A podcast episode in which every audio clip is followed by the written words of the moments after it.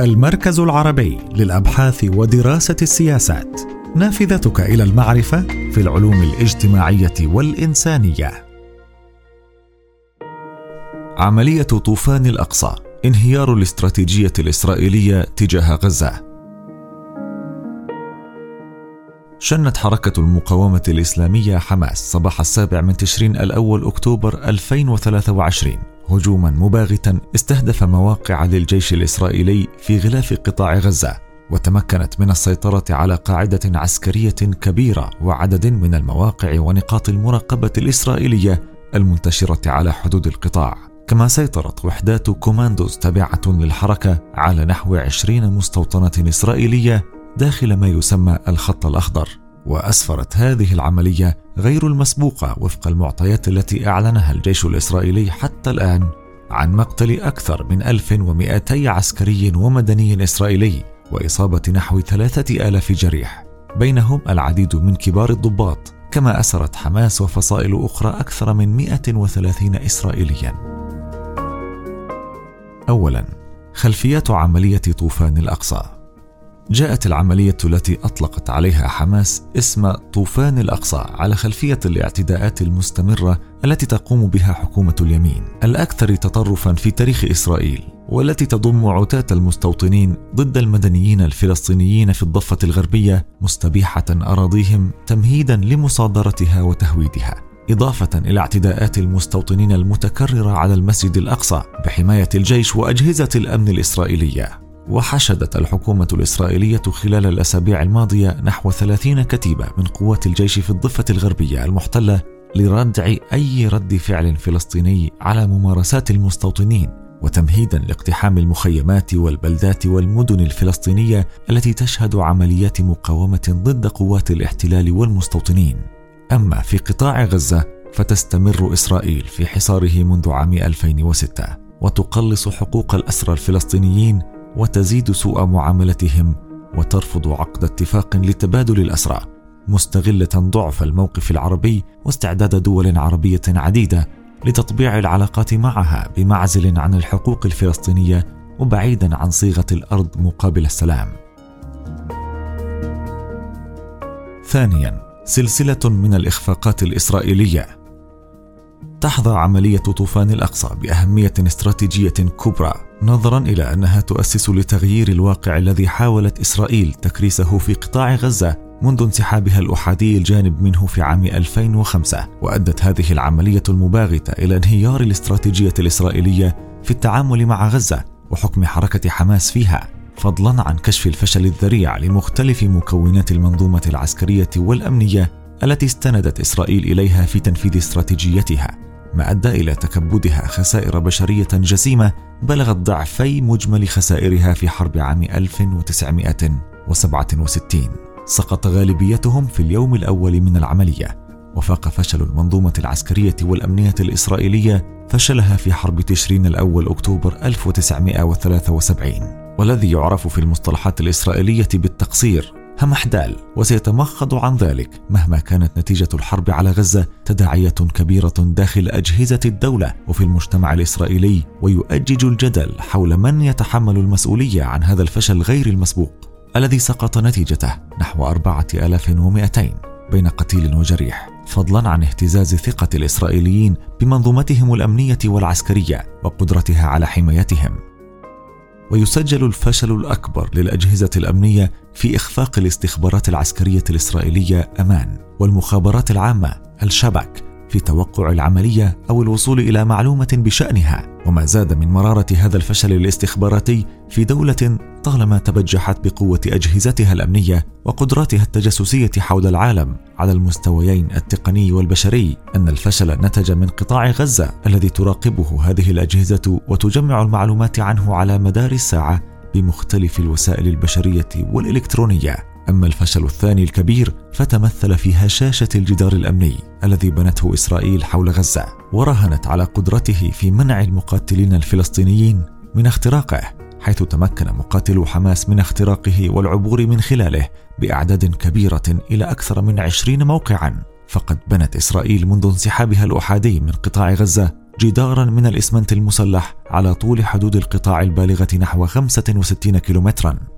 وبعمق سبعة أمتار في باطن الأرض وسبعة أمتار فوقها ونصبت فوقه أحدث أجهزة الرقابة الإلكترونية كما أقامت عليه أبراج مراقبة في مواضع مختلفة لرصد كل حركة خلفه.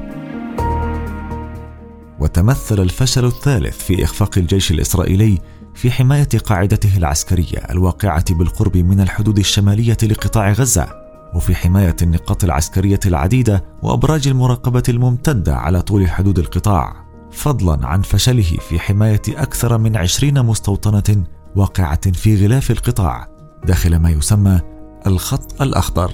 إذ تمكنت الوحدات العسكرية لحماس من اقتحامها وفرض سيطرتها عليها موقعة خسائر بقوات الجيش الإسرائيلي وأجهزة الأمن المختلفة. يبدو أن هذا الهجوم المباغت الذي شنه المقاتلون الفلسطينيون وأدائهم الجريء وقدراتهم التنظيمية وخبراتهم العسكرية قد تسبب بشلل القيادة العسكرية والسياسية الإسرائيلية وأفقدها توازنها وعلى الرغم من تبجح الجيش الإسرائيلي المستمر بجاهزيته الدائمة لمواجهة كل الطوارئ والاحتمالات وقدرته على حشد ما يكفي من قوة لمواجهة أي هجوم خلال ساعات من وقوعه. فإنه لم يفشل في حماية قواعده العسكرية فحسب وإنما فشل أيضا في التدخل سريعا لاستعادة المواقع العسكرية والمستوطنات الإسرائيلية التي سيطر عليها المقاتلون الفلسطينيون وظلوا يتحركون فيها لمدة لا تقل عن يومين بينما يستغيث المستوطنون الذين كانوا يختبئون في أجزاء منها. أما الفشل الرابع فقد تمثل في إخفاق الجيش الإسرائيلي وأجهزة الأمن المختلفة في تأمين الدفاع عن حفل ترفيهي شارك فيه بضعة آلاف من الشبان الإسرائيليين وقد أقيم الحفل في أرض مفتوحة تبعد عن حدود قطاع غزة بضعة كيلومترات بالقرب من قاعدة عسكرية بعد حصول أصحابه على جميع التصاريح الأمنية المطلوبة. علاوة على ذلك تسببت عملية حماس بشل قدرة المؤسسة العسكرية الإسرائيلية على اتخاذ القرار والتجاوب مع متطلبات الوضع الأمني والعسكري وامتد الارتباك إلى مؤسسات الدول الأخرى التي أقعدتها صدمة الهجوم عن التعاطي سريعا مع نتائجها بما في ذلك الوصول المتأخر إلى القتلى والجرحى والفشل في تقديم المعلومات الأولية لأهالي القتلى والجرحى والمفقودين حتى بعد مرور عدة أيام على بدء العملية. ثالثا ردات فعل الحكومة الإسرائيلية وحساباتها. أعلن بنيامين نتنياهو رئيس الحكومة الإسرائيلية بعد مشاورات مع قادة الجيش وأعضاء في الكابينت الأمني أن إسرائيل باتت في حالة حرب ودعا إلى إنهاء الخلافات داخل المجتمع الإسرائيلي وأعلن وزير الأمن استدعاء أكثر من 300 ألف من قوات الاحتياط استعدادا لشن حرب على قطاع غزة وحشد قوات كبيرة في الجبهة الشمالية تحسبا لإمكانية تفجر الوضع العسكري على الحدود مع لبنان وردع حزب الله عن الانخراط في الحرب. وفي اليوم نفسه اجتمعت الحكومة الإسرائيلية وكلفت الكابينت السياسي الأمني المكون من أحد عشر وزيرا باتخاذ القرار بشن الحرب أو عملية عسكرية كبيرة. ومن المتوقع أن يقوم الكابينت السياسي الأمني بتحديد أهداف الحرب وإخبار الكنيسة بذلك في الأيام القليلة القادمة. في ضوء اهتزاز ثقة الإسرائيليين بالحكومة والجيش. تزايدت المطالبة بتشكيل حكومة وحدة وطنية أو حكومة طوارئ، وقد تعززت هذه الدعوات بعد اتضاح حجم الخسائر الكبيرة التي وقعت في صفوف الإسرائيليين وتنامي الرغبة في رأب الصدع وتقليص الخلافات التي عصفت بالمجتمع في السنة الأخيرة، والحاجة إلى ضم ذوي الخبرة من القادة إلى دائرة صنع القرار، وبخاصة العسكريين مثل بيني جانتس وغادي آيزنكوت. اللذين شغلا سابقا منصب رئيس أركان الجيش. وبالفعل أعلن نتنياهو في الحادي عشر من تشرين الأول أكتوبر الاتفاق على تشكيل حكومة طوارئ وطنية بانضمام حزب المعسكر الوطني الذي يقوده غانتس. ويمتلك أربعة عشر عضوا في الكنيست إلى الحكومة. كما جرى تشكيل كابينت حرب يضم نتنياهو وغانتس ووزير الأمن يؤاف جالانت بينما جرى تكليف كل من رئيس الأركان السابق آيزنكوت ووزير الشؤون الإسرائيلية رون ديرمر بالإشراف على الكابينت وانضم إلى الحكومة أيضا جدعون ساعر بوصفه واحدا من ثلاثة وزراء حصلوا على مناصب فيها عن حزب المعسكر الوطني. سيواجه الكابينت الجديد قرارات صعبة. في مقدمتها تحديد هدف هذه الحرب بدقة فثمة شبه إجماع بأنه ينبغي ألا تكون مثل الحروب السابقة التي شنتها إسرائيل ضد غزة. وينبغي تغيير الاستراتيجية تجاه غزة وحماس تغييرا جذريا بهدف القضاء على حكمها بيد أن تحقيق هذا الهدف يستدعي احتلال قطاع غزة أو أجزاء واسعة منه لأن إسرائيل لن تستطيع حسم الحرب من الجو مهما دمرت من منشآت ومبان ومهما ارتكبت من مجازر. وإذا اختارت إسرائيل أن تجتاح القطاع برا فسوف يترتب على ذلك خسائر فادحة في حرب مدن تتقن حماس خوضها. أضف إلى ذلك أن قوات المشاة في الجيش الإسرائيلي غير جاهزة بما يكفي لخوض حرب برية فثمة فرق كبير بين ما تفعله في الضفة الغربية حيث تقوم بدور الشرطة وتواجه مجموعات غير مدربة عسكريا وتستعمل أسلحة قديمة وبين ما يمكن أن تواجهه في غزة حيث الوحدات العسكرية التابعة لحماس والفصائل الأخرى متمرسة في قتال المدن وتملك أسلحة أفضل. ويبدو أن إسرائيل استعاضت عن تطوير قواتها البرية في السنوات الماضية بالاستثمار في سلاح الجو والسايبر والاستخبارات. لذلك من المرجح أن تتمهل في شن هجوم بري واسع النطاق على قطاع غزة على الرغم من القوات الكبيرة التي تحشدها على حدوده. بناء عليه تتكرر الدعوات في الأيام الأخيرة من أبرز القادات العسكريين السابقين.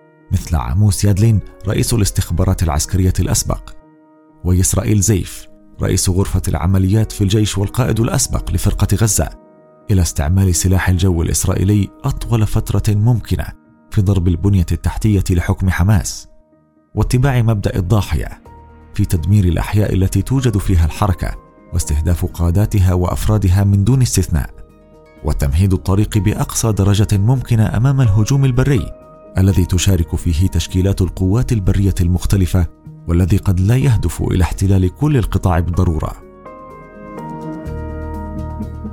وتأمل إسرائيل في أن يقود اجتياح قطاع غزة أو أجزاء منه إلى خسائر كبيرة في صفوف المدنيين الفلسطينيين وتحاول ارتكاب المزيد من المجازر بحقهم ما قد يغير مواقف الدول الكبرى التي تدعم حاليا إسرائيل بقوة. وتسعى على ما يبدو من خلال حملة القصف الجوي المكثف إلى تهجير السكان وتأليبهم على حكم تسبب لهم بالحصار والحروب والكوارث وفق إسرائيل بحيث يرحب الأهالي بأي حكم بديل. وإذا ما انتهت الحرب من دون القضاء على حكم حماس حتى لو تكبدت الحركة خسائر فادحة فستواجه القيادة الإسرائيلية فشلا ذريعا آخر يضاف إلى سلسلة إخفاقاتها الاستراتيجية فبقاء سلطة حماس يعني العودة إلى الوضع الذي كان قائما قبل العملية. وثمة خشية في إسرائيل من أن تقود الحرب على غزة التي يرجح أن تكون صعبة وطويلة إلى امتداد نطاق المواجهات إلى لبنان، حيث يزداد التوتر مع حزب الله ما يعني أن إسرائيل قد تضطر إلى خوض غمار مواجهة على جبهتين أو أكثر، ما يؤدي إلى وقوع خسائر جسيمة وإلحاق دمار كبير في البنية التحتية الإسرائيلية. وتتمثل الفرضية الأساسية لدى القيادة الأمنية والسياسية الإسرائيلية في أن حزب الله لن يدخل في هذه الحرب وبأن قوته العسكرية معدة للدفاع عن مشروعه في لبنان واساسا عن المشروع النووي الإيراني ولردع إسرائيل عن القيام بمهاجمته. ولكنها تعتقد أيضا أن حزب الله لن يمنع فصائل فلسطينية موجودة في لبنان من القيام بعمليات عسكرية محدودة عبر الحدود. وسيحافظ على معادلة الردع القائمة بينه وبين إسرائيل من دون الدخول في حرب شاملة ضدها. وثمة خشية في إسرائيل أيضا من أن يؤدي خطأ في التقديرات أو حتى في ردات الفعل المحسوبة بين الطرفين إلى الدخول في مواجهة شاملة لا يرغبان فيها. لذلك ستبقي إسرائيل قواتها على الجبهة الشمالية في حالة استنفار لردع حزب الله وللرد على العمليات المحدودة التي تقوم بها بعض المجموعات الفلسطينية في جنوب لبنان. أخيرا يمثل مصير الأسرى الإسرائيليين من المدنيين والعسكريين الذين تحتجزهم حماس عقدة مهمة في حسابات العملية العسكرية التي تعتزم إسرائيل تنفيذها في غزة وتذهب التقديرات إلى أن عددهم يصل إلى 130 أسيرا على أقل تقدير. وهو أكبر عدد على الإطلاق يقع في يد المقاومة الفلسطينية في تاريخ الصراع مع إسرائيل. ويولي الرأي العام الإسرائيلي أهمية قصوى لمصيرهم وهو أمر يضعف تحرك الحكومة الإسرائيلية ضد غزة بناء عليه. حاولت الحكومة الإسرائيلية إعطاء انطباع بأنها ذاهبة باتجاه استعادة هيبة الردع التي فقدتها. حتى لو أدى ذلك إلى التضحية بالأسرى. وقد جاء هذا الموقف نتيجة إدراكها أنها لن تستطيع استعادتهم أحياء دون عقد صفقة مع حماس. تشمل الإفراج عن جميع الأسرى الفلسطينيين في السجون الإسرائيلية. والحكومة الإسرائيلية غير جاهزة حاليا لعقد مثل هذه الصفقة. في الختام أصابت عملية طوفان الأقصى أسطورة إسرائيل الأمنية والعسكرية والاستخباراتية في مقتل وفضحت هشاشة التحصينات والجدران التي أنشأتها لحماية نفسها وعزلها عن الآخر الفلسطيني المحاصر. وثمة فرضية أساسية لا تزال تتبناها إسرائيل على الرغم من ثبوت فشلها المتكرر وهي أنه في الإمكان الاستمرار في احتلال الأرض الفلسطينية من دون دفع الثمن. وإجبار الشعب الفلسطيني على القبول بهذا الواقع إن الحالة الهمجية والغرائزية المتخلفة التي تسود في إسرائيل وارتكاب المزيد من العدوان والمجازر بحق الفلسطينيين لن تخضع الشعب الفلسطيني في غزة أو في أماكن تواجده الأخرى ولن تكسر إرادته وسيبقى يناضل من أجل نيل حريته من الاحتلال حتى لو نجحت إسرائيل في إسقاط حكم حماس في غزة وهو أمر مستبعد.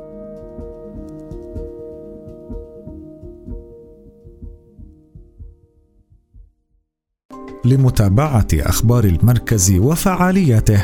تجدون تفاصيل المواد والأبحاث في وصف الحلقة على منصة البودكاست التي تستمعون منها وموقعنا الرسمي.